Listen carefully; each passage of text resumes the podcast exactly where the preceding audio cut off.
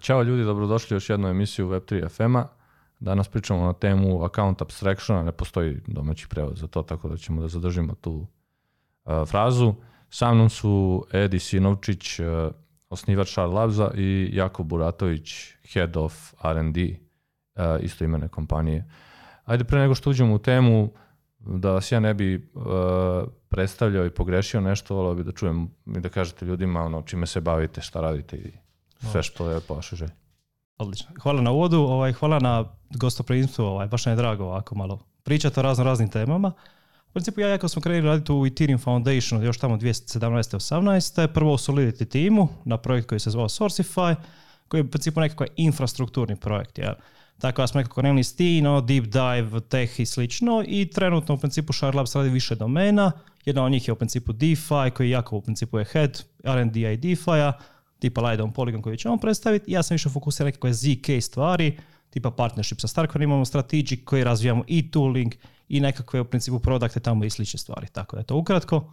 Jako je, želiš ti nešto dodati? Da, da, prvo lijep pozdrav svima, ovoga, hvala na pozivu ko što je rekao, krenuli smo raditi sa Ethereum Foundationom na Sourcify-u, infrastrukturni projekat, ali kroz njega smo dosta se stvarno upoznali sa Web3-em, sa protokolom, upoznali dosta ljudi i otvorile su nam se neke druge mogućnosti. Jednostavno proširili smo vidike, eh, engageali u različite ekosisteme. Eh, moja trenutno glavna okupacija je da vodim Lidon Polygon, znači liquid staking za, za Matic tokene. E, super. Ja se sjećam, Edi Ed je bio 2018. E, u Pernici smo bili. E, bili smo, imali smo kao neki uh, coworking day, e, kao kompanija MVP workshop. I Ed je tad pričao o ZK, ZKP-u. Zokrates, ja Zokrates, da. I, da, to je bio naš pokušaj da uđemo tad u ZKP. Ed je već tad ušao u ZKP, što je pa, super pa, priča. Pa ušao si... Možda dan danas nisam ušao, ali to je to. It's a rabbit hole. Industrijski, industrijski. Sve jasno. Ovaj, cool. E pa baš mi je drago da ste došli. Tako da pravi ljudi za temu account abstraction. Um, ajde, naj, najlakše da krenemo verovatno od istorije kako uopšte, kakvi su accounti mhm. postojali, postoje na Ethereumu. Držat ćemo se za sad Ethereuma, pa možemo da ulazimo i u druge ekosisteme po potrebi. Pa ono, mislim, osnovni je nekako je externally owned account, znači ova znači vjerojatno svi od nas, odnosno većina je nekakva koristila Metamask, imala je nekakve memonike, prave kjeve i slično, tako da ono što to znači u principu u nekakva Linux term, to je sudo u principu, znači možemo s tim napraviti što god. Imamo jedan key, ako ga izgubimo, izgubili smo cijeli access, ali u principu s njim možemo raditi što god. E sad, ono, problem toga je kad taj key, odnosno taj ključ koji može, ono, privatni je ključ, ali u principu možemo zamisliti kao nekakva vrata otvara, iza kojih se nalazi znači, cijeli naš funding, cijeli naš treasury i slično, ako ga neko drugi dobije, pa vjerojatno će prebaciti taj trežer na svoj nekakav account i slično i uzeti nam novce. Ovaj, nekako u Web2 svijetu nije uobičajeno da jedan key ima pristup svemu i lagano account abstraction je nekakav smjer u kojem se razvija u principu i blockchain, da nemamo više taj sudo access, nego da imamo nekakav permissioning u principu sustav za različite stvari koje nam trebaju. Ja bih se samo ubacio tu eh, kratko, recimo korak nazad, prije što spominjemo samu abstrakciju akauntova, spomenuo bi da account nije jednako wallet.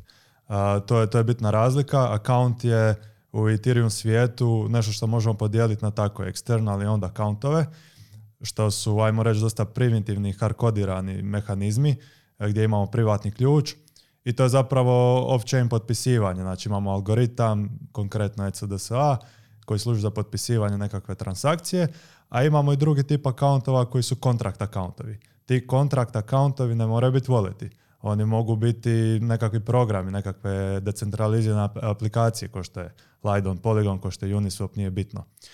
Razlika između njih je ta da e, kontrakt akauntovi ne mogu inicirati transakcije. Oni nemaju privatni ključ, oni ih ne mogu potpisati. Tako da, ajmo reći, oni su reaktivni. Uvijek mora postojati nekakav external onda account koji će inicirati transakciju na kontrakt accountu i onda će se izvršiti nekakav komad e, koda u tom kontrakt accountu i nešto će se dogoditi. E, ja sam uvijek razumeo akaunte na način da je to u stvari adresa na blockchainu. Ja sam, e, sam to pogrešio kad sam ih tako razumio. Kao, znači ja imam adresu i kontrakt ima adresu i mi smo akaunti.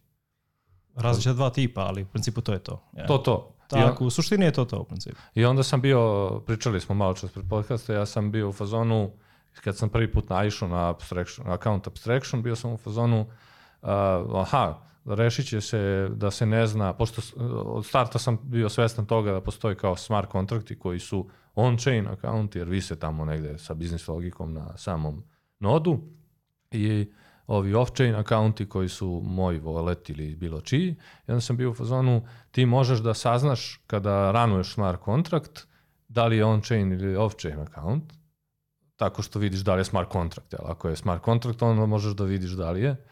I onda sam bio u fazonu, account abstraction je u stvari da ne možeš da saznaš, odnosno da nije bitno šta je od ta dva.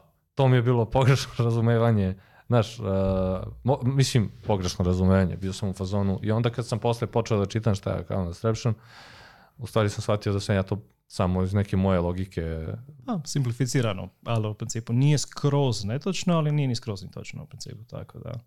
Jasno, i onda sad kad smo, uh, ajde, da osjetimo šta je tu problem, šta je problem sa, sa e, tim EOA and, and e, user accountima. Ja.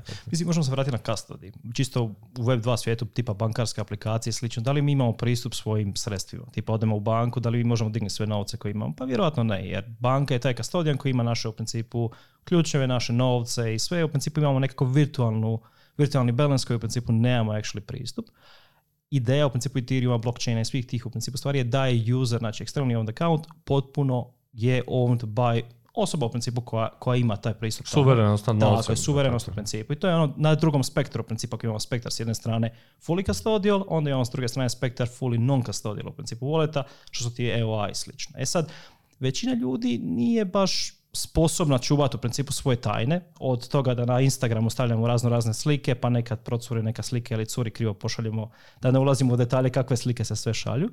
Tako da ljudi u principu kreću lagano prema nekih hibridnim kastodima. E sad, prvi možda primjer dobar koji, koji se dosta koristi je Safe. Što je Safe? Je smart, smart princip kontrakt koji ima više različitih EOA unutra, koji moraju potpisati neku akciju da bi se ona izvršila. Šta to znači? Da, tipa nastroju u prostoriji napravimo neki gnosi safe i tamo je ne znam, tisuću dolara unutra, idemo vanka u kafanu, bar dvoje od troje, na primjer, u tom slučaju se mora dogovoriti da ćemo piti, u principu da ćemo potrošiti novce, tako da ne bi jedan došao i sve u principu novce popio, šta zna se često dogodi onako kad se, se ljudi u principu malo zalete. U tom smislu, recimo, Gnosis Safe je klasičan primjer da, i tako da, ili, ili kako da ga nazovemo, pa, Recimo.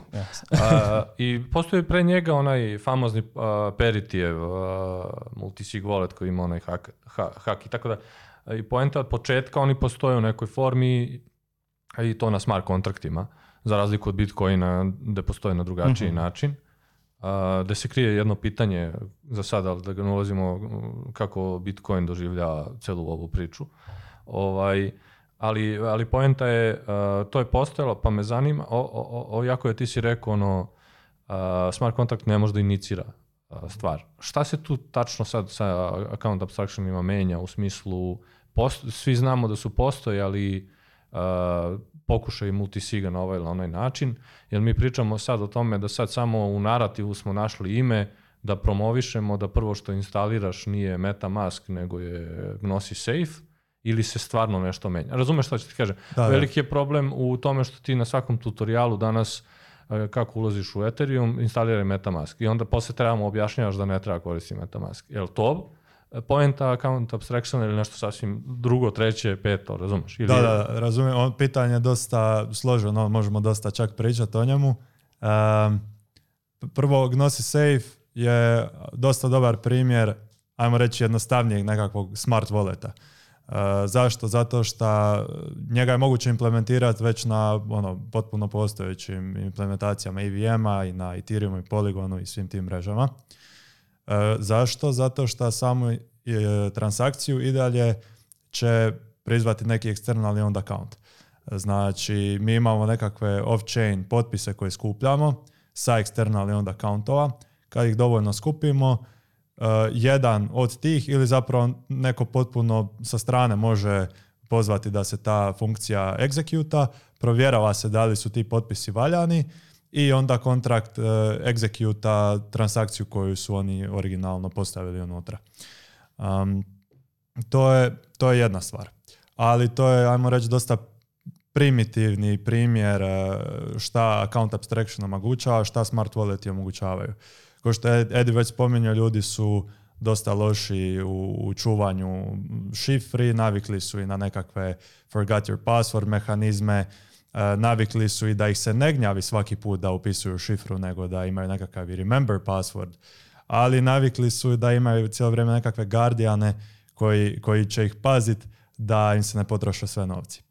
E sad, kako se to može implementirati e, kroz account abstraction i kroz smart wallete, bezbroj načina postoji, ali jedan od primjera su pod akauntovi, sub gdje primjerice imamo jedan kao glavni trežeri, iz kojeg onda izdvajamo nekakve manje akauntove koje ćemo koristiti za interakcije sa određenim protokolima.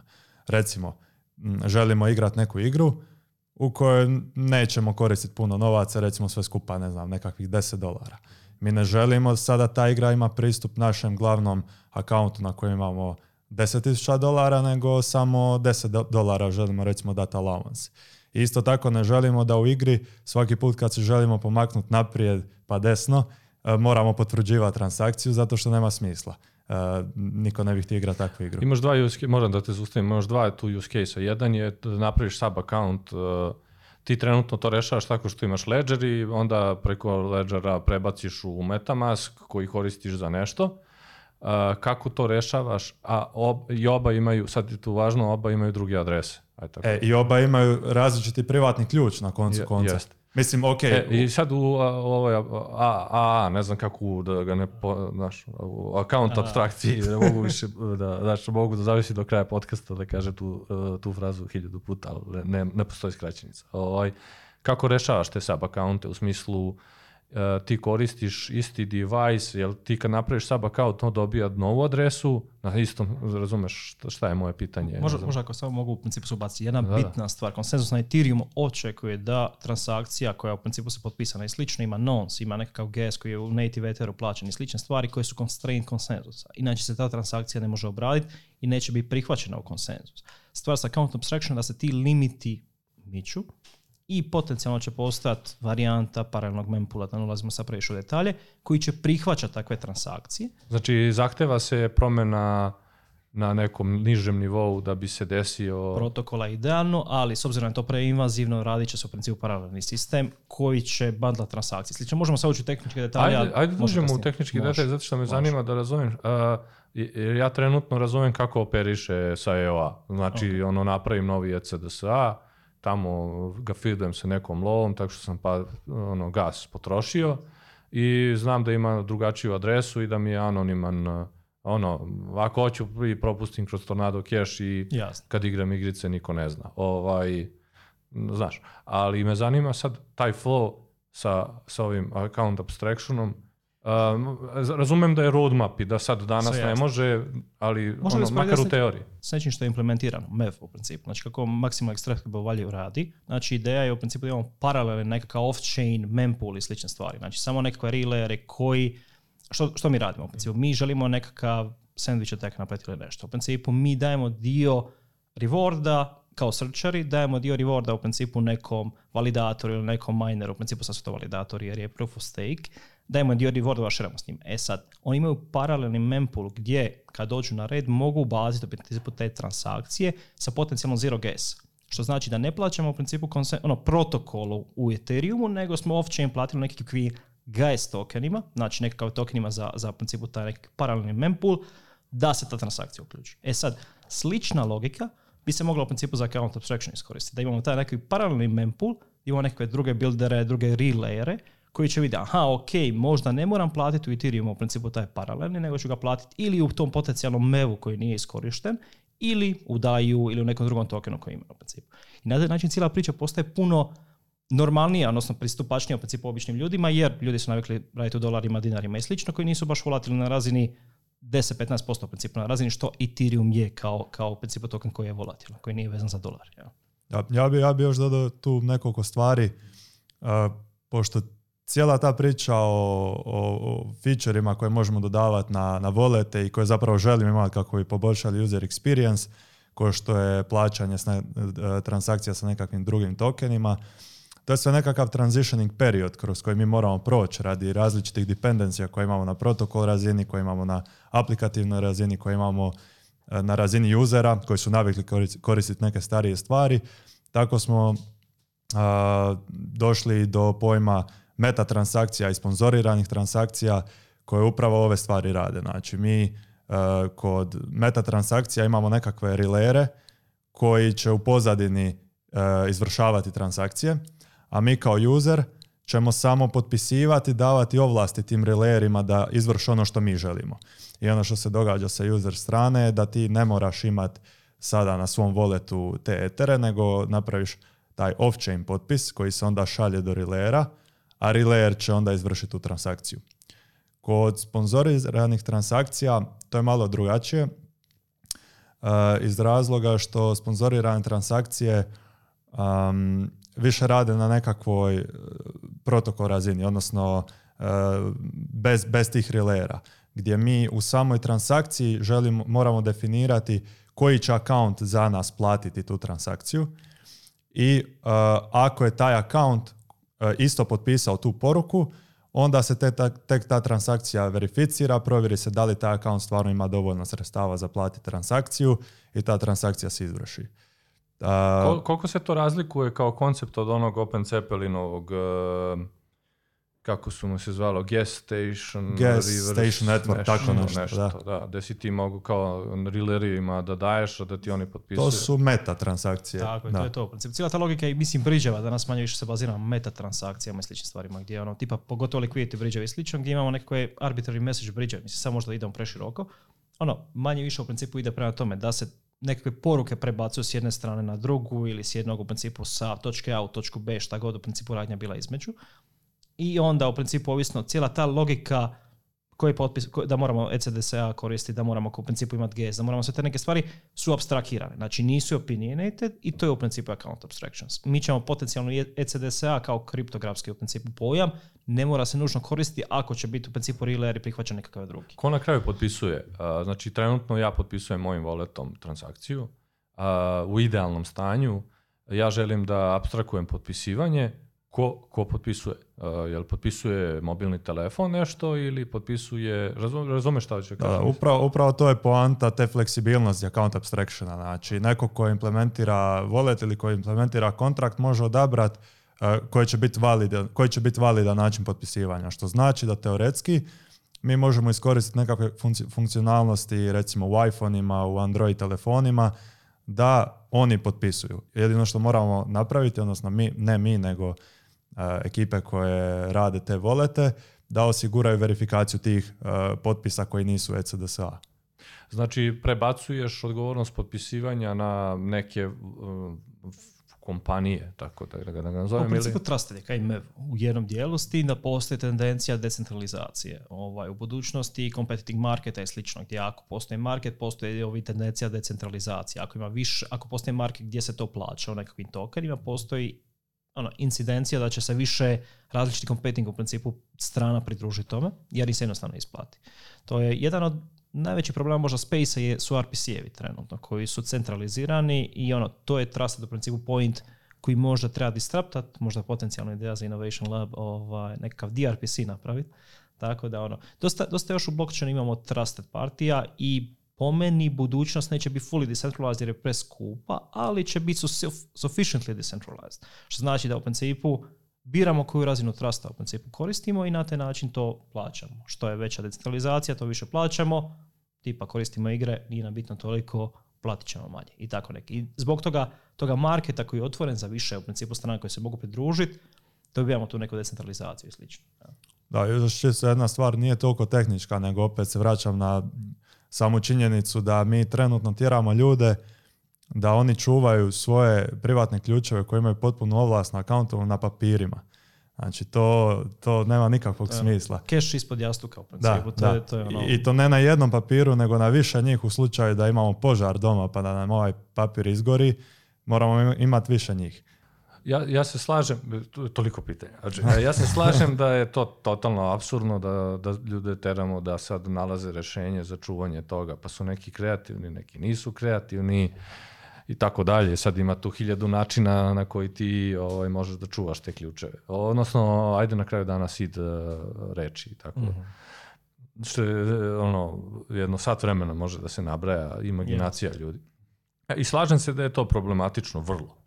Eh, i slažem se da treba da imamo rješenje, samo ja sad kad čitam o account abstrakcijama, i sad možda vi možete mi kažete vidi, e, samo, se, samo ono, ili si samo glup ili samo ni, ne postoji trenutno rješenje, ali ja kad čitam, ja sam u fazonu, mnogo mi se pojmova provlači kroz account abstrakcije koji kao ono sa onim soulbound tokenima. Mm. A, imaš soulbound tokene, ja sam u fazonu, ovo je već postojalo, nisam siguran šta pokušate s ovim, ima beskonačno use case ali samo ste našli naziv. Mhm. I onda sam u fazonu, account abstrakcija mi je dobar naziv da guraš inicijativu da ti je potreban bolji UX, a a, i onda imaš gomilu use case ali ja nisam siguran šta je sa tehničke strane e, mm.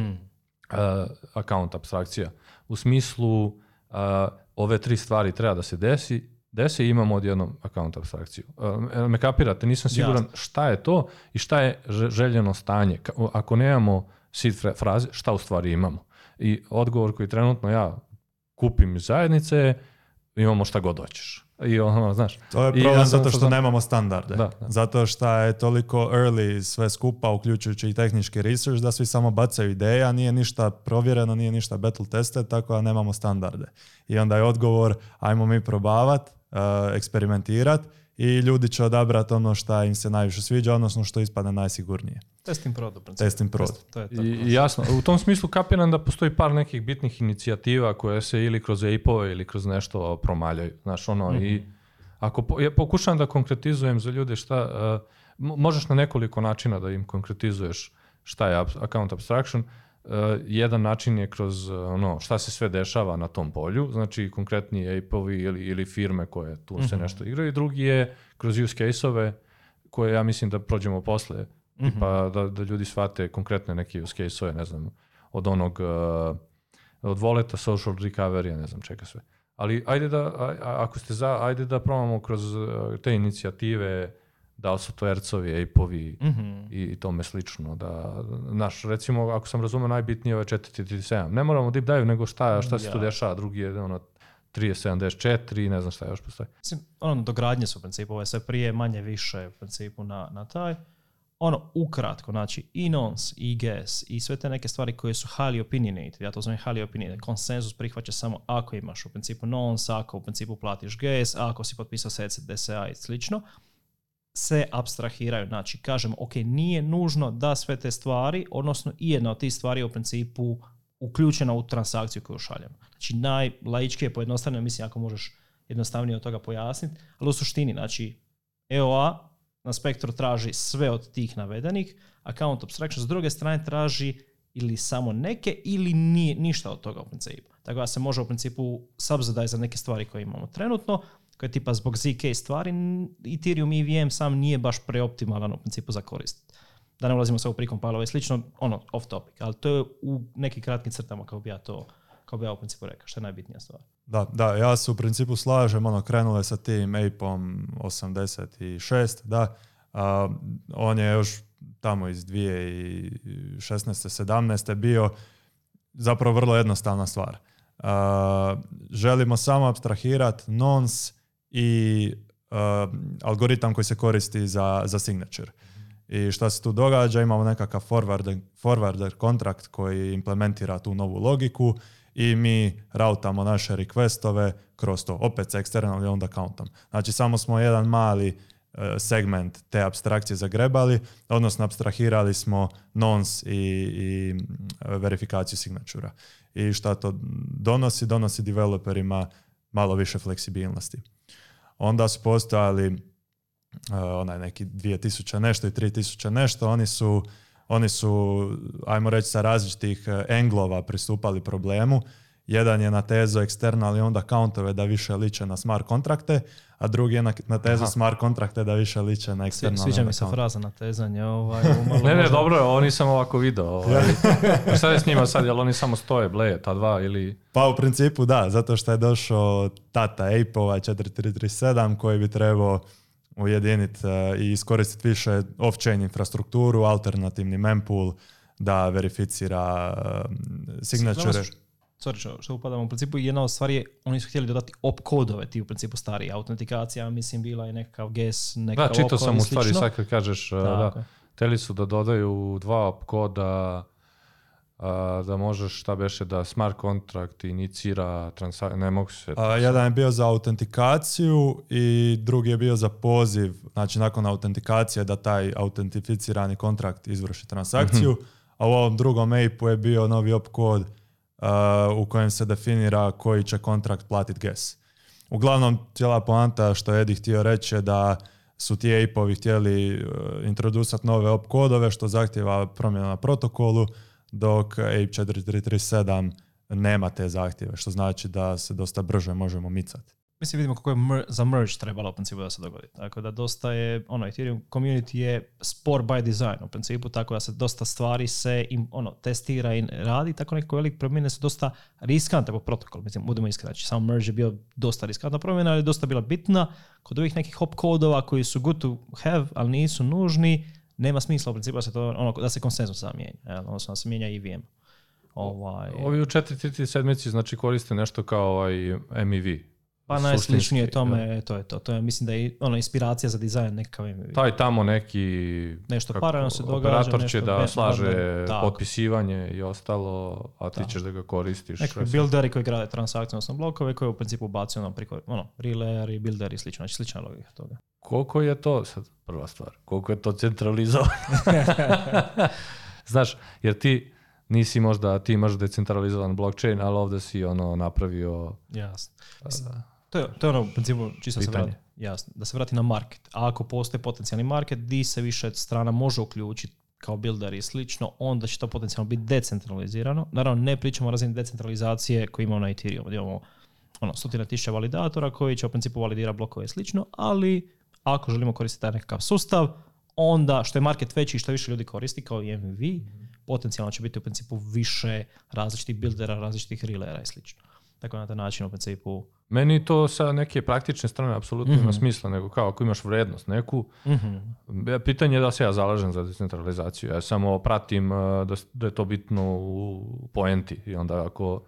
Decentralizacija spektar eh, isto, to, to je jedna od stvari koje treba... Eh, ali Ether je bio tu najkonzervativniji, mislim ne znam da Bitcoin mi je van tu, ali ja od ovih kao programabilnih blockchainova mm-hmm. uvijek sam doživljavao Ethereum kao najkonzervativniji, možda nije Ethereum Classic, ali da ne ulazim sad, ali ovih bitnih, da ne ulazim nikog, ovaj, ali uvek je bio u odnosu recimo na Solanu ili, ili Avalanche ili ne znam šta, eh, ili poligon, mada od njega smatram delom ekosistema, mm uvek mi je bio kao ne, ne smemo i kad pratiš Twitter, eh, kripto Twitter sa Ethereum strane, pravite veliki kompromis, ja sam u fazonu samo ok, ono, kako se kaže, do prič. I onda eh, u tom smislu mi je mhm. zanimljivo da ispratim da li je ovo nešto što ugrožava tu decentralizovanost? Nemam pojma. Znaš, pa mislim, ovaj. uopće, ono, paralelno je neki sustav s tim. Mislim, MV postoji, neki kažu da je feature, neki kažu da je bug. Ja, ja mislim da je feature u principu, jer ono, ako se demokratizira takav nekakav problem, ako više u principu možemo decentralizirati, to je feature u principu ako postoji market, jer cijeli Ethereum se bazira na marketu. Ono,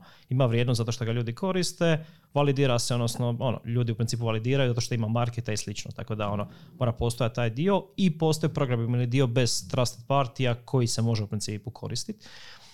E sad, onda u principu dolazimo do ok, MVV-a, do, do u principu account abstractiona, paralelnih mempoolova i sličnih ovčenih infrastrukture koji su partially trusted, ovisno o tome koje se koriste. Tako da teoretski, moramo vidjeti kada on Abstraction u principu bude implementiran fully, bi što se više koristi, on trebao tehnički biti više decentraliziran i na taj način u principu zbog tog marketa, ono, to bi samo po sebe u principu se neće biti, naravno na razini Ethereum, mislim ne pričamo o istim stvarima, ali sufficiently decentralized. E, pričam e, o 4.7, ja se zna otprilike kad ga gađaju za Ethereum APE implementaciju, to je onako. Da, to deo, je li oni splurge, merge, ima tu nešto? Pa u principu oni neće se nužno morati mijenjati e, konsensus, znači konsensus se ne dira s tim, zato što da. nema hop ništa se ne dira, samo se transakcije buildaju off-chain koje se u principu sa validatorima obacuju na chain Tako da tehnički, koji što imamo sa ovaj, da imamo oni koji sudjeluju u build, buildanju MVI i slično, to je optim proces, znači da validatori sami po sebi ne moraju sudjelovati u, u ono, biti dio toga, ali imamo nekakav market i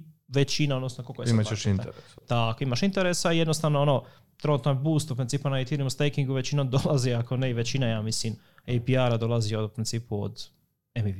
P-a. Da, ljudi jednostavno ne, ne žele dobrovoljno, dobro, ajde, Ethereum ekosistem je specifičan jer postoji čak dosta fanatika koji bi vrtili i validatore i za nula profita, ali generalno ako gledamo market, ako gledamo e, ljude koji, koji se bave time, bave se profesionalno, žele neku zaradu. Ako vide priliku za dodatnom zaradom, jednostavno će uključiti ili taj modul ili zavrti dodatan proces koji će e, bandla te transakcije jer im se isplati to smo se u Ethereum Foundation kad smo radili, da je to u principu najkapitalističniji sustav, znači ono kapitalizam driven i slično koje grade socijalisti i anarhisti, tako da onako s druge strane ono utopije gradimo je slično, svi će biti jednaki, a s druge strane pure capital i, i markets u principu, tako da ono. E, da, šizofrenija. Tako. Do, a, e, ne dubim tu temu, ali da tu temu. Ovaj, drugi put. E, zaključili smo da je Ether, Ethereum development spor. Ovaj, u tom kontekstu postoji ono što sam, kad sam slušao oko abstrakcije uh, akaunta, pa postoji narativ nekih ljudi da su u fazonu e, L2 će e, da pomogne u, u konce, ono, da shvatimo šta je account abstraction. Mm -hmm. a, a, a, a, znam da sam, ovo je dobro pitanje za te, a znam da sam svoje vremena na Starknetu Starkver neki bok sam čitao, ne znam kad. Mhm. možda bude godinu dana, možda bude dve, ne znam. Možda bude šest mjeseci, ne znam. Uh, bilo je nešto kao mi imamo account abstraction mm. i kao ja sam imao utisak da su ga oni smislili. Znači, ovaj, bio sam u Ima jako e, pametnih ljudi, ali mislim... Ne, e, znaš, kao bio sam a onda sam posle vrtao u glavi, kao, pa nisam siguran da su ga smislili, ali nešto kao, nekako je tako bilo, pa u tom, u tom smislu ne znam, uh, to mi je pitanje, ono, L2, mm -hmm. Starknet, šta se tu dešava, jel se tu nešto se nauči od njih? To pa mislim definitivno, mislim, Starknet kao takav je rekao, ok, VM nije budućnost i mi nećemo biti kompatibilni s Ethereumom, odnosno s EVM-om, dok je tipa ZK Sync rekao mi moramo biti fully kompatibilni s Ethereumom, tipa Hermes je rekao mi moramo biti fully kompatibilni s Ethereumom, odnosno s evm da budem precizan. Znači ZK EVM-om je nekakvi, uspoređujemo sa ZK VM-om, znači virtual machine na Starknetu, koja je drugačija u principu skroz priča. E sad, ono što su u principu što je Starknet mogao napraviti s obzirom da ne moraju biti kompatibilni s Ethereumom, a na Ethereum je samo EOA first class citizen, znači samo EOA su u mhm. principu može se koristiti, oni ne moraju u principu imati EOA kao first class citizen, odnosno da moraju u principu EOA akaunte imati jedine, odnosno ili jedine plus account abstraction kao jednake, nego su rekli ok, EOA je povijest, mi u principu samo account abstraction koristimo. Tako da oni kad su gradili sustav u principu od početka, kad su gradili taj ZK roll-up principu, oni su rekli, ok, evo vas u povijest, mi u principu radimo account abstraction first. Uspoređujući to sa ZK sync na primjer. Mislim na ZK Sync jedna, verzija 1, ti si radio research, tako da, ti. Znači, na ZK Syncu, ZK Sync je izbaci verziju 1, uh, koji je imao samo account abstraction. Znači isto kao i Starknet, uh, account abstraction je glavni, fleksibilnost, sve je super. Međutim, što su vidjeli, vidjeli su, dobro, oni su imali dosta drugih ograničenja za developere, za te smart kontrakte, ali u ZK Sync verziji 2 su zapravo vidjeli, pa nama ipak treba ta kompatibilnost sa EVM-om, ajmo mi napraviti hibridni mod, da imamo i i onda accountove i account abstraction na protokol razini. I što su time omogućili? Omogućili su lagano portanje postojećih aplikacija na, na ZK Sync i fleksibilnost za nove developere. Ja bih samo htio još jednu stvar eh, dodati kao prednost potencijalnu eh, slučaju ako Starkneta gdje imamo samo account abstraction, a to je da aplikacije koje se grade su, ajmo reći, prisiljene se graditi bolje. Odnosno, prisiljene su da rade sa tim smart walletima, sa, sa account abstracted walletima. Uh, eh, što je situacija kod chainova sa hibridnim modom, pošto su svi developeri, kao što si sam rekao, znači sve nas uči je instaliraj Metamask, e, kad developaš postavi si tu, upiši private key u environment file, svi su navikli raditi tako. I onda normalno, ako imamo hibridni mod, imat ćemo većinu aplikacija koje rade sa eksternalnim onda accountovima i nećemo koristiti taj puni potencijal. Tako da to su nekakvi, ajmo reći, kompromisi koji se, koji se uzima i koje još nismo vidjeli E, šta pobjeđuje. Se ispostavlja, ste skapirali nešto u slučaju Starkneta da se e, taj account abstraction ispostavlja da rađa neke nove ideje. Znaš ono? Absolutno, tipa Session Kijevi, na primjer. Znači, gaming koji se razvija trenutno na, na Starknetu, jedan od glavnih stvari u principu je gaming. E sad, koja je ideja gaminga u principu? Ne želimo, ono, ulogiramo svu igricu, čak i ajmo u slučaju reći u principu da je to, imamo private key koji potpisujemo i slično. Ne želimo svaki korak u principu potpisivati, ono što se može u principu ok, sa account abstractiona. Mi damo nekakav sub account ili permission za tipa raditi neke korake u Minecraftu ili graditi neke stvari. To zbandlamo i onda u principu vratimo to stanje nazad. Možda najsličnije plazmi što se u principu nekad radilo. Tu se ulazimo sad ono, da validium, ti u suštini povlačiš e, Tako, znači neke stvari možeš off-chain odraditi, ok, trenutno stanje, možemo off-chain, zbandlamo to i onda u principu finaliziramo, najsličnije plazme. E sad tu možda ulazimo u Validium, Volition i slično, gdje je state u principu, gdje se state blockchaina, gdje, gdje se state blockchaina nalazi. Trenutno state Ethereum, state Starknet i slično, sve je on-chain, što je jako skupo. Ja? Znači call data opet koji finaliziramo na, na Ethereum je relativno skup i ono, tipa optimizam troši nekakve bolesne količine u principu etera na to. Starknet isto ono, dosta koristi toga. Ideja je da, znači, dio toga state koji nije ključan, user će u principu spremiti off-chain, ali će biti nekakve verifikacije zbog ZK tehnologije i slično. Mislim da je off-topic da ne ulazimo sad zašto. Mhm probabilistički da ono što su oni napravili off-chain, da je u principu to ono što su htjeli napraviti i ono, vrlo vjerojatno je u principu to to.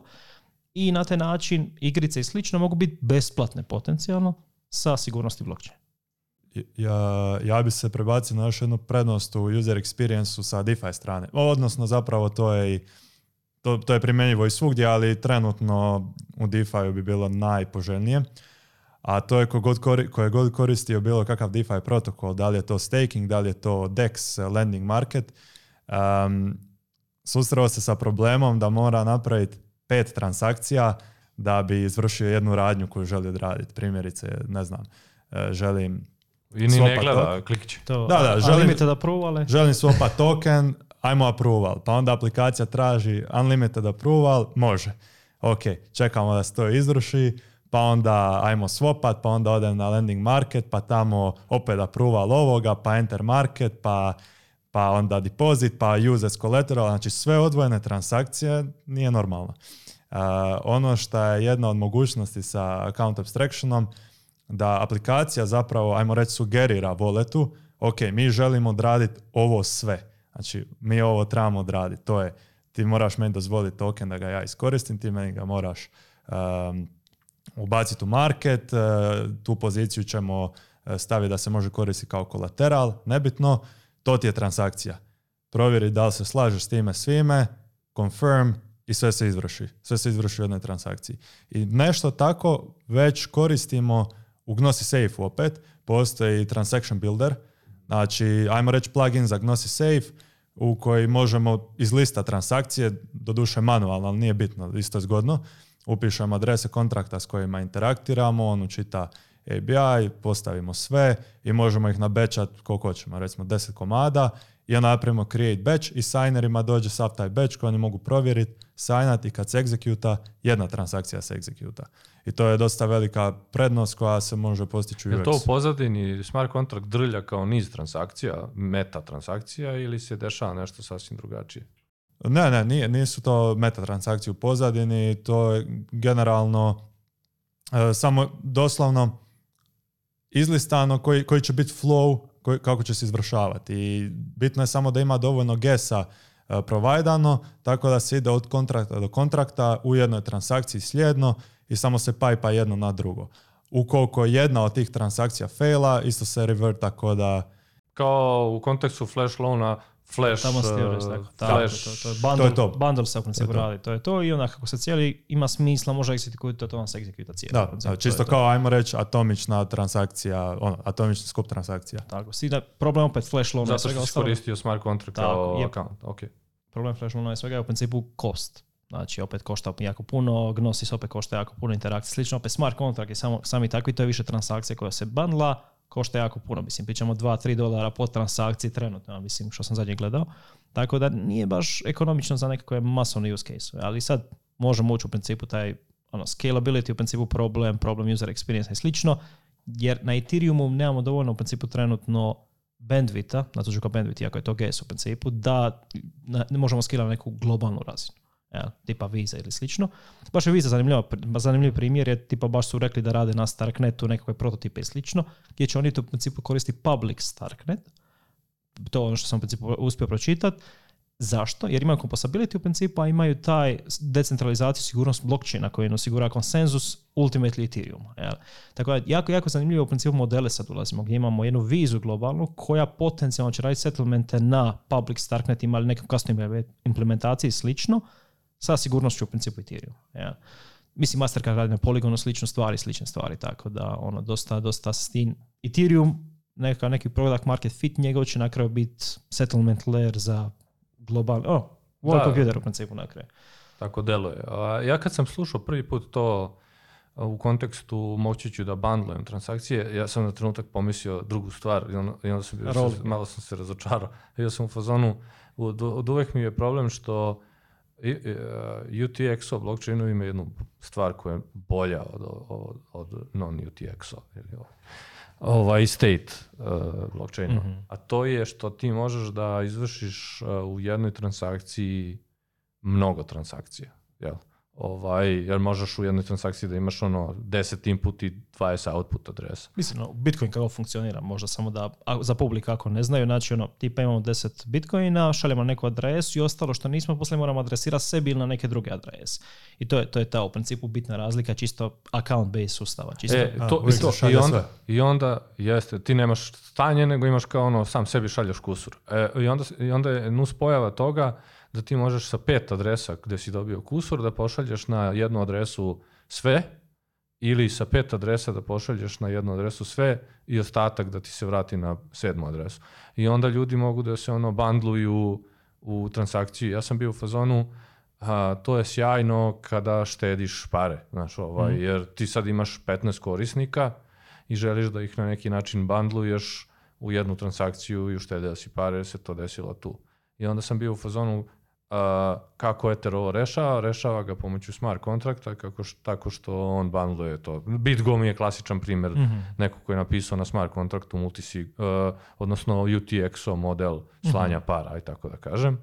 E, I onda sa, kad sam čuo za account abstraction, ovo bundluju se nekoliko transakcija, jedno bio sam u fazonu, evo ga možda rješenje, ali bilo je u stvari za jednog korisnika. Pa zanima, e, sad na boom idem, ne znam da ste razmišljali o ovom pitanju, da li bi account abstraction na je kakav način mogao da pomogne da nekoliko korisnika koristi bespla, e, e, jeftinije, besplatnije, jeftinije celu stvar, nemam pojma, znaš, eto, to, mi je, to mi je bila prva reakcija svojevremeno.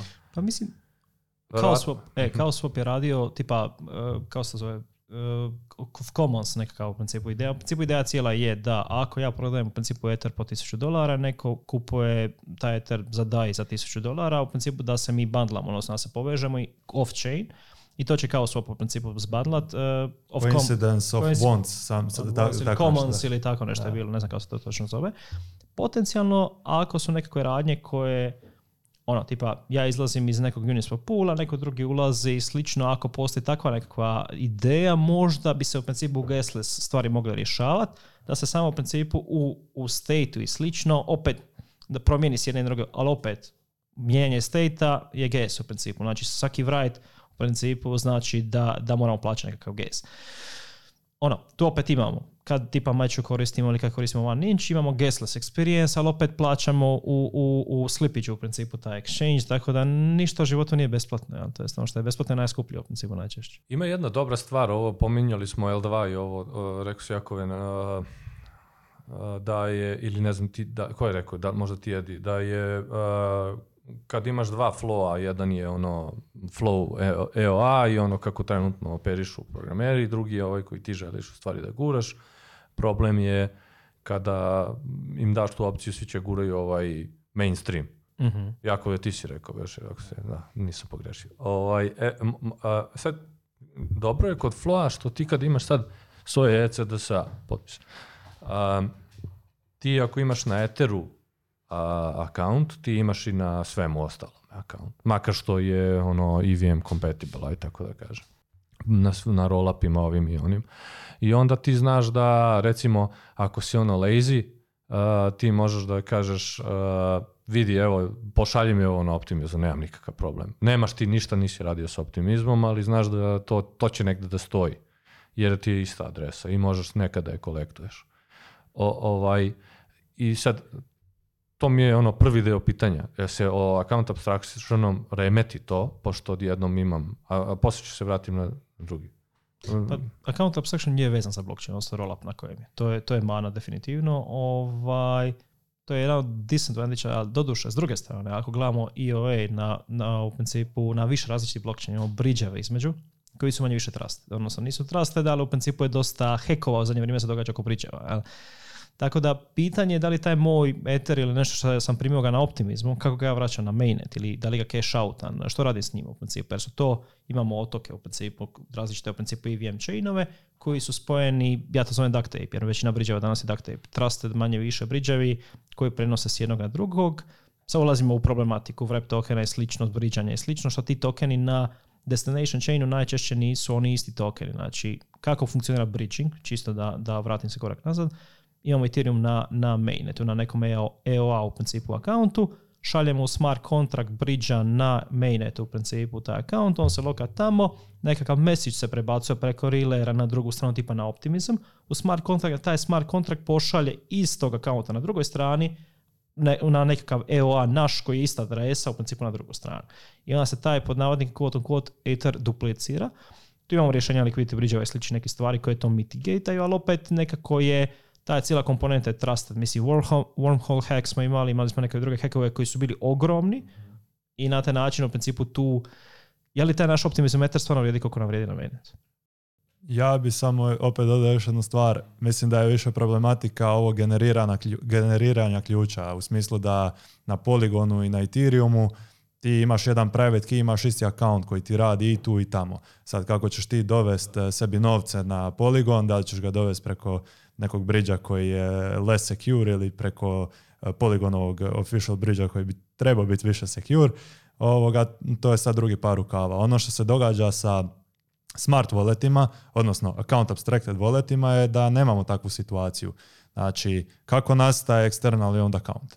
Pa u principu postoji, aktiviran je kad ga fandaš nekim eterima, jer dok ga ne fandaš možeš samo čitati s njim, E, raditi off-chain stvari, signat neke message ali ne možeš ništa upisivati. E, kako nastaje smart account? E, on njega moraš deployat. Znači, moraš imati nekakav e, kontrakt, moraš ga deployat i onda on nastane tek na Ja mogu da zamislim da kroz ovaj Create 2 ti možda da. imaš adresu, ali me tu brine ne znam dobro da objasnim create 2, ako hoćeš neko drugi da posle objasni, ali znam da imaš adresu, pre nego što imaš smart kontrakt imaš adresu za njega, nije deployan ali me brine da ćeš ti da ti kad imaš EOA, ti u stvari imaš MetaMask koji ti u adresu i kad imaš adresu, ti imaš adresu na svim blockchainovima tog tipa i rollupima, a kad imaš Create 2 za smart contract, ti dalje kao ovaj account abstraction nemaš adresu jer ti nisi realno napravio taj smart contract, nego neki batica koji ima firmu, ti znači moraš na nekako da se registruješ i deluje mi da će on morati da ti rešava Eh, kapiraš, da tvoj telefon radi na optimizmu, ne znam ja.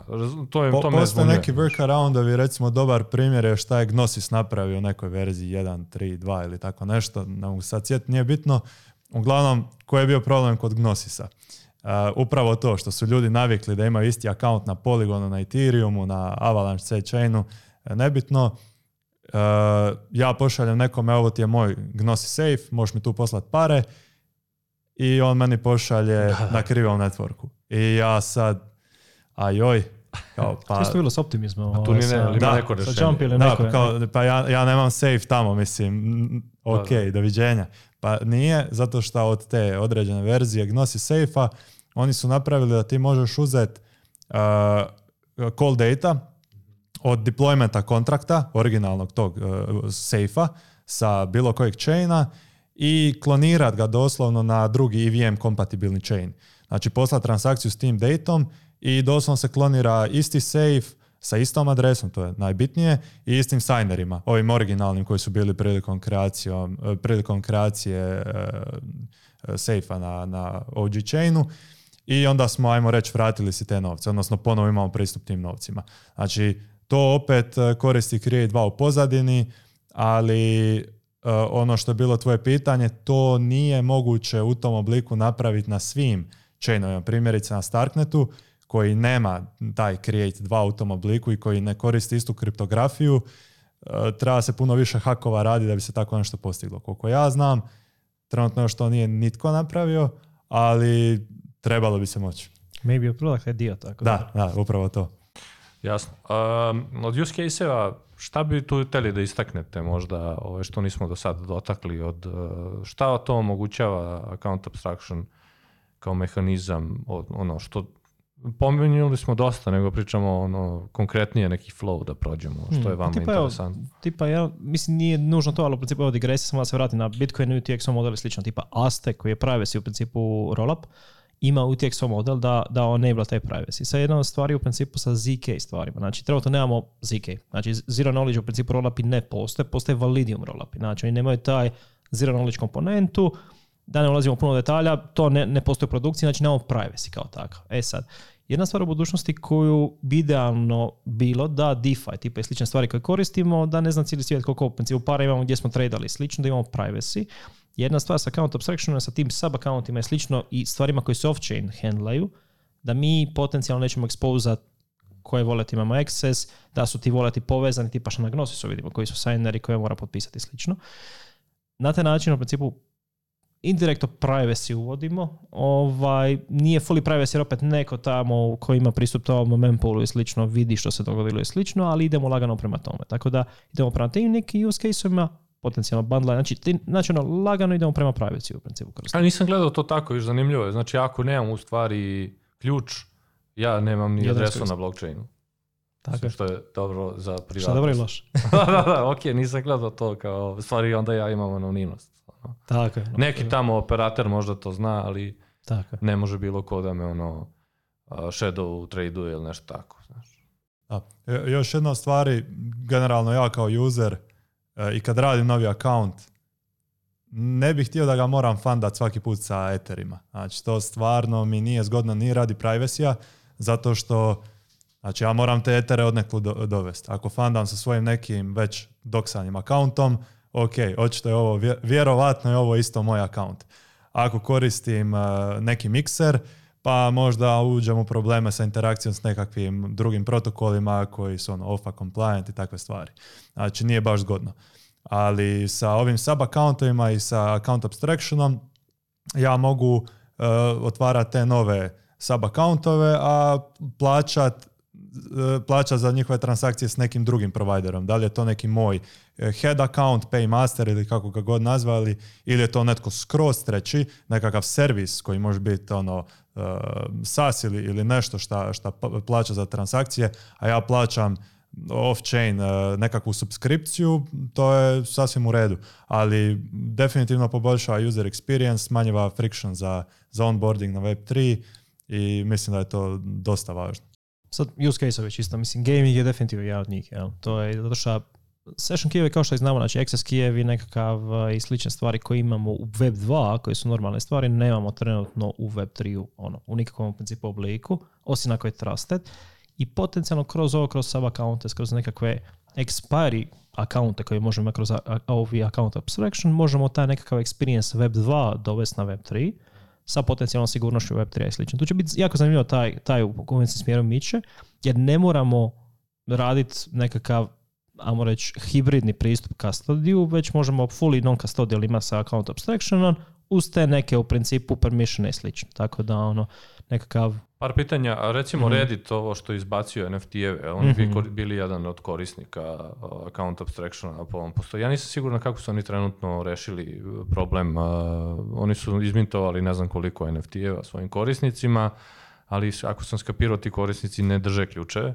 Mhm ok, na ovaj način bi, sad ulazim u mračnu zonu, postavljam pitanje koje može da svi postavi da je loše, ali ako sam razumeo, oni nisu ekspozovali svoje korisnike ključevima, nego imaju neku reprezentaciju ono, na nivou ulogujem se i vidim ovaj NFT, a on tamo hendla.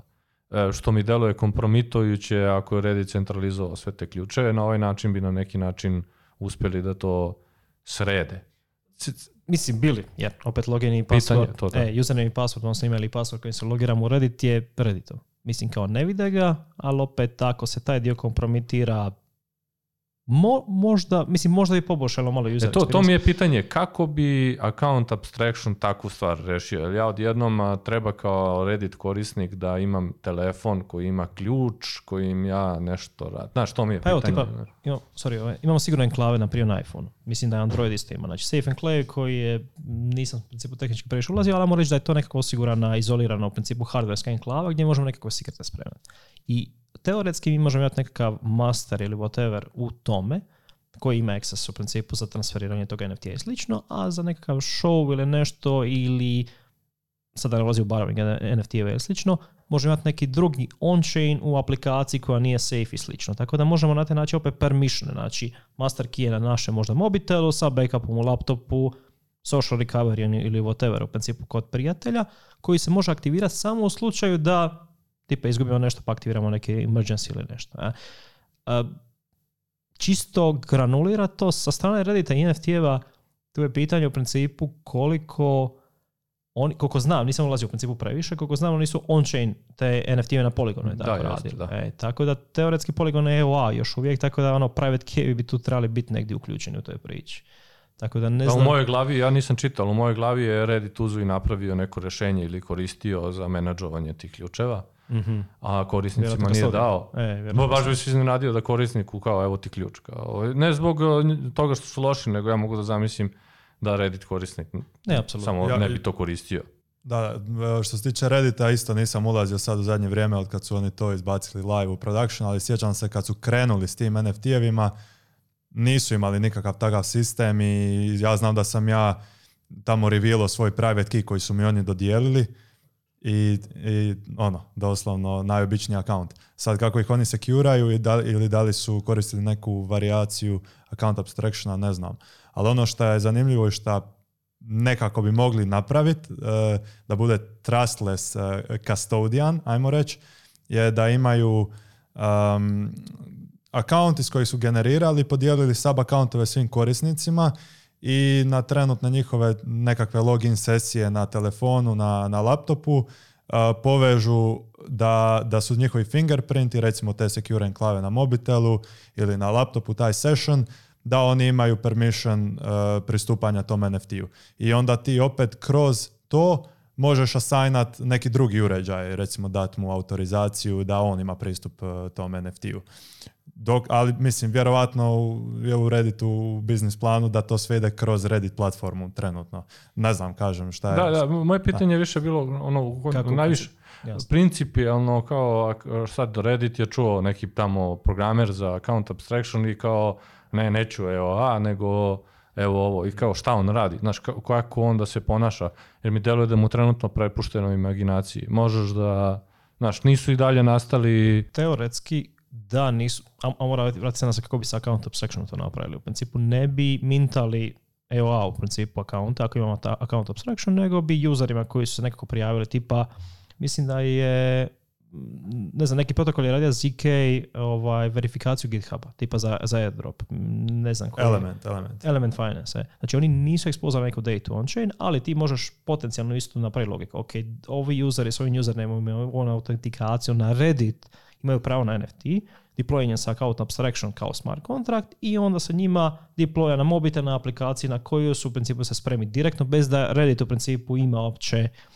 ownership toga, a oni kroz taj claim u principu jer su verificirali ok, da oni imaju pristup tom Reddit useru, mogu claimat na svoju u principu account abstraction ili nekako u principu na taj svoj wallet eh, taj NFT. Tako da se taj NFT transferira s njihovog sustava gdje je mintan na njihov uređaj tu u problem ono, uređaja, gubljenja uređaja i slične stvari. Ja, koje onako, vraćamo se na social recovery i te neke stvari. Da, deluje mi da je social recovery jako bitno da se dobro razradi za funkcionisanje ovog. To, e, a brojevi kažu da social recovery baš i ne funkcionira za većini user. Zato što jesmo ne znaju kome su dali. ili smo autistični svi, ili ono trenutno user. Radije ono, bi pa umro sa svojim parama nego tebi dao. da, pa da, vidiš, nisam gledao brojeve. Dobra je ideja, ali baš je zanimljivo ako ne funkcioniše baš u... Ko Web3 ima prijatelje, to je, to je da, da, to je tačno kao social recovery, kao zaboravili da taj social deo ne funkcioniše. Krivi user je to. Je to a, ima neki case za bezbednost možda ili nešto tog tipa. ono klasično, slušao sam baš bio nekog tipa on, u fondaciji Ethereum, mislim da je neki security. I on je bio u fazonu polise, polise i, ono, samo je pominjao polise. mislim, e, implicitno ste i vi govorili sve o polisama na neki način, a polisa je ono ovaj account, on je rekao nešto tipa sa EOA, imaš dve polise. Jedna je možeš da uradiš sve i druga je ne možeš da uradiš ništa. I onda bi u fazonu a, sa, e sa ovim abstrakcijama možeš da napraviš granularne polisa Ovaj, ovaj account može ovo, onaj account može ono. Ja, i, ja sve vreme u glavi imam barijeru jer sam u fazoni, ali to mogu i sada. A, znaš, na neki način, jer kao samo ja imam četiri EOA, i ovom sam na smart kontraktu dao da može da uradi ovo, ovo. Ono. Znaš, onda ja sam u fazonu samo fali mi taj moment uh, On će... pre potpisa, znaš. Jasno. Kost je razlika ogromna. Da. Ono, optimizacija, bundlanje i slične stvari, dok tipa Gnosis uh, sve transakcije moramo platiti, što je ono, inherentno ograničavamo use case s tim. Znači, blockchain je trenutno preskup, mislim da se to možemo svi složiti. Ovaj, korištenje blockchaina za, ne znam, plaćanje u dućanu ili nešto, pa ne znam, dođe 10 eura nešto, a ti platiš 2 za, za gas, onako, mislim, god kartične kompanije uzimaju postotak i dalje je manji nego koliko je Ethereum. U principu uzima za te neke manje, da bi Ethereum u principu postao nekakav payment sustav globalni kosta, ali user experience, znači ti ako hoćeš imati granularne permission sa externalnim onda accountovima, ti za svaku granularnost moraš imati jedan account, opet mm. moraš ga fundat i ovoga, nije, baš neki user experience. Pogotovo ne sa trenutnim voletima koji to dosta sirovo odrađuju da sve izgleda isto, ono sve ti misliš da ovo ide u pravcu toga da neko drugi u stvari drži akaunte sa tebe ili ne? Pa možda. Da li možeš da zamisliš za pet godina da banka drži tvoje account? Zašto ne? To je, to je jedan od e, primjera gdje možda ne trebamo imati potpuno vlasništvo nad tim svim ključevima ako imamo 100% sigurnost da osoba koja čuva ključeve ne može nama odraditi, napraviti određene stvari, kao iskoristiti e, naš savings account za investirati u u Dogecoin i takve stvari. FTX, znaš, šta, znaš, e, e, slažem se, ali znaš iz koje tačke gledam. Ako on pred smart kontraktom ima, e, može da potpiše mene, ali mora imati permission tipa za potpisivanje, može imati permission za recovery samo. Tipa ako ja izgubim tipa mis, neke od voleta, sad ne znam što smart kontrakt, ima u principu dva kija unutra. Znači, ajmo reći, ajmo se vratiti na Gnosis, ajmo reći imamo dva kija. Jedan kij nam služi za potpisivanje, radimo sve šta god i drugi nas samo meča svaki put u principu kad mi, kad mi u principu potpišemo nešto, on automatski, tipa je banka ili neki kastodijan, automatski potpisuje kad vidi našu transakciju on S druge strane, ako mi izgubimo access tom našem kiju, možemo u emergency mod uključiti, imamo tipa 48 sati ili 36 sati za revoke transakciju koja je u principu stavljena u queue gore, ako u principu u to vrijeme ne potpiše to, to s druge strane u principu onda dobijamo recovery, mijenja se ključ i slično. A. Eh, osim toga postoji slične stvari, to, to, je opet taj transitioning phase gdje imamo dva kija, jedan kija automatski odrađuje nešto, tako isto neki od opet ne znam koji, eh, puno toga sam čitao, tako mi se sve izmiješao ko šta radi. Eh, radi na principu multisiga, znači jedan ključ imam ja, external legal account, uh mhm. drugi ključ je spremljen kod njih, znači custodian, i za nekakvu interakciju sa, ajmo reći, popularnim verificiranim kontraktom kao što je, ajmo reći, Uniswap, e, taj kastodijan će automatski potpisati transakciju. I meni kao useru će biti, ok, kad sam ja potpisao, ja to želim, aha, to je verifajan kontrakt, pouzdan, može, ide transakcija. U slučaju da ja želim interaktirati ili poslati novce nekoj adresi koju do sad nisam slao, koju nemam u adres buku ili tako nešto, ja kad to iniciram, Ovaj neće automatski potpisati i reće, aha, ne, kao, ok, poslat ću ti mail, na mail koji si napravio prilikom kreacije akaunta ili Telegram message, vidi, e, ti ili netko sa pristupom tvojim accountom želi interaktirati ili poslati novce toj i toj adresi, jesi li to stvarno ti, želiš autorizirati ili ne. Ukoliko ti klikneš authorize, ovaj drugi će potpisati, ukoliko klikneš reject, on će kancelirati i pokrenut će recimo postupak account recovery gdje ćeš ti moći sebi vratiti. To je slično na tu FA, samo što ne postoji backdoor. Tako Mislim, je. ti ovdje možeš kao hacker da nađeš backdoor, ovdje ga nema. Ovaj, Mislim, mail je, mail je backdoor, tako će. Mail je, ano, ono, sim swapove tipa na broj mobitela se isto može sim swap e, te neke stvari, ali je otežano. Jel? Tako da s te strane u principu... Mislio sam kao ako si ti kompromitovan, to će prosto, naš, ako ti je neko ušao u posjed e, svega, onda si gotov. Ali, ali ovdje ako si ti dobar, tri trenutno u ono web 2, da ga nazovem tako, ti ako si dobar i dalje može nešto se desiti tako što neko upadne u njihov sistem i pokrade ih, da tako kažem, ili nešto uradi, provali sve tvoje e-mailove ili nešto. A ovdje ne postoji taj backdoor, tako, osim da neko ne pročita smart contract koji je loše napravljen, pa ga backdooruje. A uvijek postoje neki security assumption, uvijek, uvijek se gura da. negdje trust, ali da, treba se minimalizirati. Ono što ovaj, e, mi pada na pamet je, e, a nisam ranije, sad u razgovoru mi je samo e, sinulo, možda loša ideja, na neki način a, pokušavam da idem da kroz account abstraction toliko smo abstrakovali akaunte da možemo da radimo kao EVM e, e i ne EVM. Ono, po, pominjao si Eddie Starknet e, da je drugačiji i da ne može da se koristi na isti način i svemu tome slično. Ajde da idemo i dalje, ne samo Starknet, nego, ne znam, Avalanche, Polkadot, Solana, Bitcoin na kraju dana. A, da li je ovo nekakav put koji nismo planirali, ali da ujedinjuje na neki način još više te chainove ili ne. Naš ono ako... Apsolutno. Mislim, ECDSA je requirement sad. Ako ECDSA nije requirement i postoje neka paralelni mempool koji prihvaća Polkadot transakcije ili Avalanche transakcije, ono, sa njihovom kriptografijom, mislim da je Avalanche kopatibilan, bar na ovom C-chainu ili koji je za EVM, ali tipa Polkadot koji nije, teoretski se to može u principu ovaj, implementirati. Znači, na koncu, da, na koncu konca mi koristimo tu Solidity koji je Turing Complete jezik i možemo implementirati bilo kakvu logiku verifikacije i bilo čega, tako da, da po meni skroz stoji.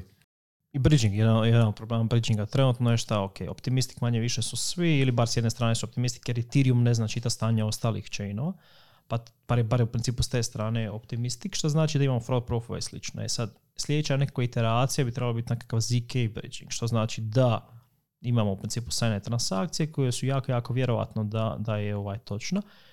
Ta transakcija trenutno tipa na Starknet ima određenu kriptografiju, na Ethereum ima drugačiju i slično da bude kompatibilna fully, tipa ZK i VM je različita kriptografija u principu koja se koristi, da je bila kompatibilna s Ethereum od tipa što Starknet koristi za ZK i VM, teoretski može postati mempool koji prihvaća jedne i druge tipove i onda ih finalizira u principu opet je stvar kosta. Znači, moramo vidjeti šta ćemo raditi off-chain, šta ćemo raditi on-chain. EVM e je optimiziran za ECDSA i za određene tipove hash funkcija i verifikacije njih.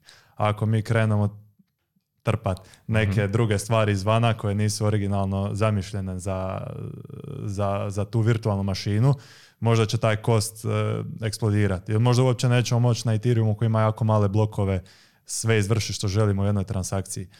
Tako da ono, treba, treba offloada stvari koje se mogu na infrastrukturu off-chain i minimalno stvari koje nam treba raditi, raditi on-chain. To je sa pitanje u principu, mislim zašto zk roll zašto se uopće rade zk roll Znači problem sa optimistic roll imamo taj fraud proofs ili da pojednostavljeno rečeno treba tjedan dana da bi bili sigurni da nešto sa roll-upa s layer 2 se prebacilo istinito na layer jedan zašto tjedan dana, jer se tako odabralo, dovoljno je vremena da neko dođe i provjeri da li je to istina ili ne i može challenge Kod zk rola pa što se događa? Znači imamo layer 1 koji je settlement layer, onda imamo layer 2 gdje se nekakva logika dogodila, nekakav dokaz se generirao, call data se u principu zapisuje na Eliana namo reći zipanje nekako, znači mhm. zipamo u principu nekakav state, nekako u principu cijelu ranu koju smo radili, finaliziramo je na layer 1 sa velikom vjerojatnošću i na taj način možemo layere on top of layer stvoriti koji ne moraju nužno biti EVM.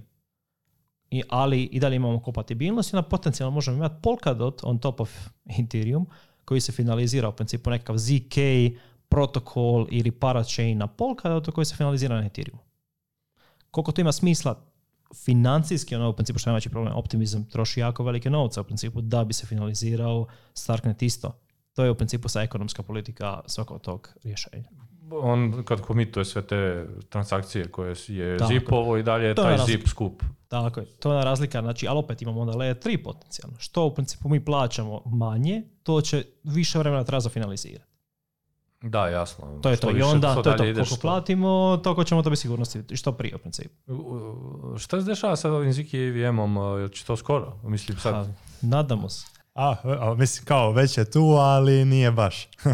A šta je, šta je, e, e, jednom sam pitao nekog tamo što se bavi Ziki i imam ispustan glup, ali sam ga pitao, jel nam treba Ethereum ako imamo Ziki VM? E, da nećete možda na kraju da skapirate da Ziki VM je L1?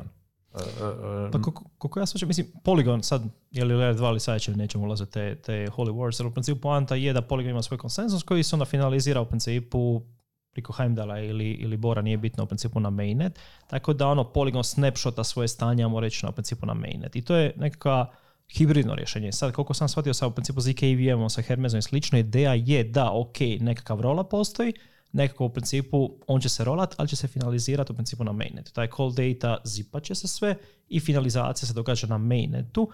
U slučaju da nemamo taj mainnet, tipa da koristimo poligon koji je manje, ajmo reći, siguran jer je manje osiguran, kolika nam je onda sigurnost ZK EVM?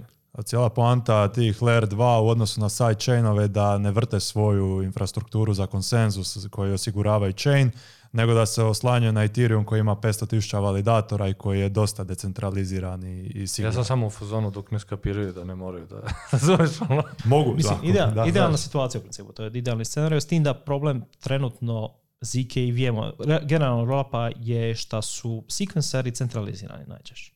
Znači, niko nije napravio konsenzus opet za decentralizirane sekvensere. I sad, ono, to, to, to se podbadaju sa međusobno kao, kao to je skroz centralizirano, kao koja je po... sad milina ako se izbaci ECDSA i cela ta priča za, za roll up i to? Definitivno, mislim da jedan od stvari koji će se sad implementira, mislim call data će postati jeftiniji i da li ćeš koji compile biti uključen, nisam pratio detaljno. Da, u principu pričaš o ovom uh, proto-dunk shardingu, jel?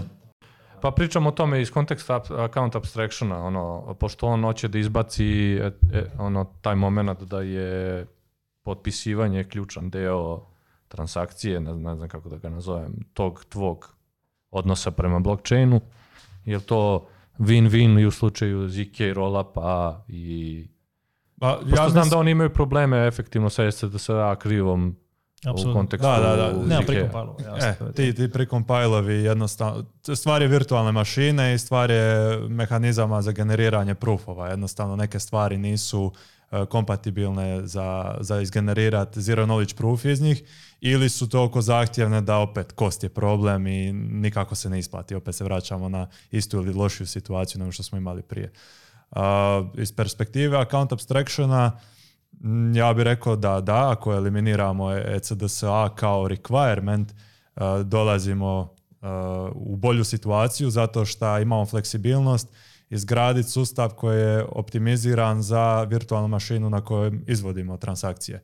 Što znači da možemo dobiti bolje performanse, što znači da je manja komputacija zahtjevna, što znači da je in the end za korisnika transakcije jeftinija. Tako je, postoje razno razne kriptografije, sad imamo ono, Poseidon i slične, mislim Concrete Jungle ili tako, ili ne znam više kao se zove, ovaj, ono, uđeš malo unutra pa onda skužiš da ništa ne razumiješ da si glup onda je ok. Jedina je stvar šta, ali nisu, te neke stvari nisu baš battle teste, tako, da dobro je dok nije dobro, dok ne puknu. Tako da, sa strane tirimo nema smisla minjati ECDSA, inherentno u principu, jer battle tested je funkcionira slično, a onda, jer outsourca je taj R&D u principu, imamo to tako quote on u principu na, na lere 2, zk, roll i slično, i nema smisla u principu vinjeti na lere Pa nek se tamo istestira. Nek se tamo istestira što bude. Testirajte sa par miliona, ako nije, nije niko hakirao, da je par miliona, još smo dobra. Da. Pa- market, šta? to, to, to. da, milion težak milijardu um, Cool. super, ja mislim da smo prošli ono glavne teze kako to trenutno postoji, u e, e, vidu koji akaunti trenutno postoje, zašto nastaje akaunt abstrakcija, neki use case ušli smo malo vercove. E, u tom smislu mislim da smo lepo poklopili temu, ali jedno posljednje pitanje za obojicu. Pored toga, da li ima nešto što biste dodali, a da nismo prošli, da mislite da je bitno, a, jel, ono, jel kad sedite na kraju dana i kao desit će se account abstrakcija, ono, nisam siguran da oblikujem pitanje, ono, od 0 do 10, ajde probam tako da ga postavim, koliko mislite da će doneti dobra, a koliko je nepoznata zona i možemo da kažemo, uf, u stvari smo se zeznuli, sve, sve je otišlo do vraga. Ne sa tehničke strane, nego, možda, možda i sa tehničke, nego ono, ovi su preuzeli ovaj i sad sve ne funkcioniše više kako. Razumeš šta? Koliko je ono, koliko je to na kraju dana kad vi sedite apsolutno dobra stra, stvar i apsolutno loša stvar. Znači, tako i IVM, mislim, IVM, da li je dobro što je IVM pobjedio ili nije. Mislim, s jedne strane je suboptimalna na puno račina, ali s druge strane je dobar jer je battle test di funkcionira i slično i zato ima toko value na Ethereumu i slično sa account abstraction, mislim da će isto biti spektar. S jedne strane mislim da dugoročno je bolje rješenje, ali što znači account abstraction? Znači to je, to je flavor thing koji može imati u principu ono, shades of gray, od gray u principu, ono, sa puno, puno različitih implementacija može biti, opet možemo imati isti problem kao što smo imali sa MEV, sa OFA compliant MEV u da, principu, gdje jednostavno ljudi koji su iz nekih država ne mogu uopće pristupati ovim mreži kroz account abstraction jer jednostavno ne, ne žene neku ključnu transakcije na neki drugi način to mempolu ne mogu sudjelovati. To je sad onako. To je, to je ono, tricky, good. Ne, ne vjerujem da u principu postoji apsolutno dobro i apsolutno loše. To je onako u tom segmentu. Mene je iskreno malo strah isto tih account uh, uh, abstraction voleta, uh, smart voleta, zato što trenutno account koji ja koristim, ja znam da sam ja kriv ako mi neko uzme private key i više manje ja sam kriv u većini slučajeva ako ga ja izgubim. Nisam ga dobro čuo nisam ga dobro bekapirao. E, ono što ja trebam trenutno paziti najviše je da protokoli s kojima ja interaktiram su sigurni, da su auditani itd. itd. da mi neko ne uvali phishing link i takve stvari. U, ovom, u ovoj situaciji imamo još jedan vektor napada i zapravo ogroman vektor napada, ko što se dogodilo sa Peritijem, Eh, sam wallet u kojem ja držim može imati nekakve propuste. Može biti ne napisan sa nekakvim bagovima, eh, može doći, eh, ono, bilo, bilo kakvih rupa tu može biti. Znači, to je softver koji svaki drugi. Ehm, osim toga, imamo onda i upgradeability. Znači, ti accountovi su upgradable, što je opet dobro i loše, isto kao i depovi. Neki depovi su dobri zato što nisu upgradable a niko ih nije probio pa su vrhunski, a neki depovi nisu upgradable pa je neko našao bug pa nije dobro zato što ih možeš izlupati koliko hoćeš. Ista stvar je s voletima. Tako da u tom pogledu me malo strah, ali generalno, ko što Edi kaže, ja se slažem, u jednom trenutku kad dođemo do nekakvih standarda koji su auditani, koji se jednostavno koriste i uzimaju zdravo za gotovo, e, mislim da ćemo doći na dosta dobru poziciju. Super, jasno. E, hvala vam. Mene sad još više interesuje tema, tako da ono nastavit ću da čitam. I deluje mi da tu ima par nekih startupa da se krije. Pa sigurno, ovaj, tako da. da. Ko ima ideju još kakvu, otvoreni smo, tako da. E, super. Treba inkubirati. Ovaj, hvala još jednom. Mm, završit ćemo za sada, ja bih vas ono, evo, javno pozvao za sljedeću neku sesiju, ima dosta tema koje možemo da tako da hvala vam u posjeti BGD-u ovaj, da, da ste i nas posjetili. Hvala na pozivu i sljedeći put nadam se bar neki vinjak i rakiju tokom podcasta, da bude malo ono, može, veselija rasprava. Može, može, može, može i tompus. Može. Hvala, hvala na pozivu. Hvala.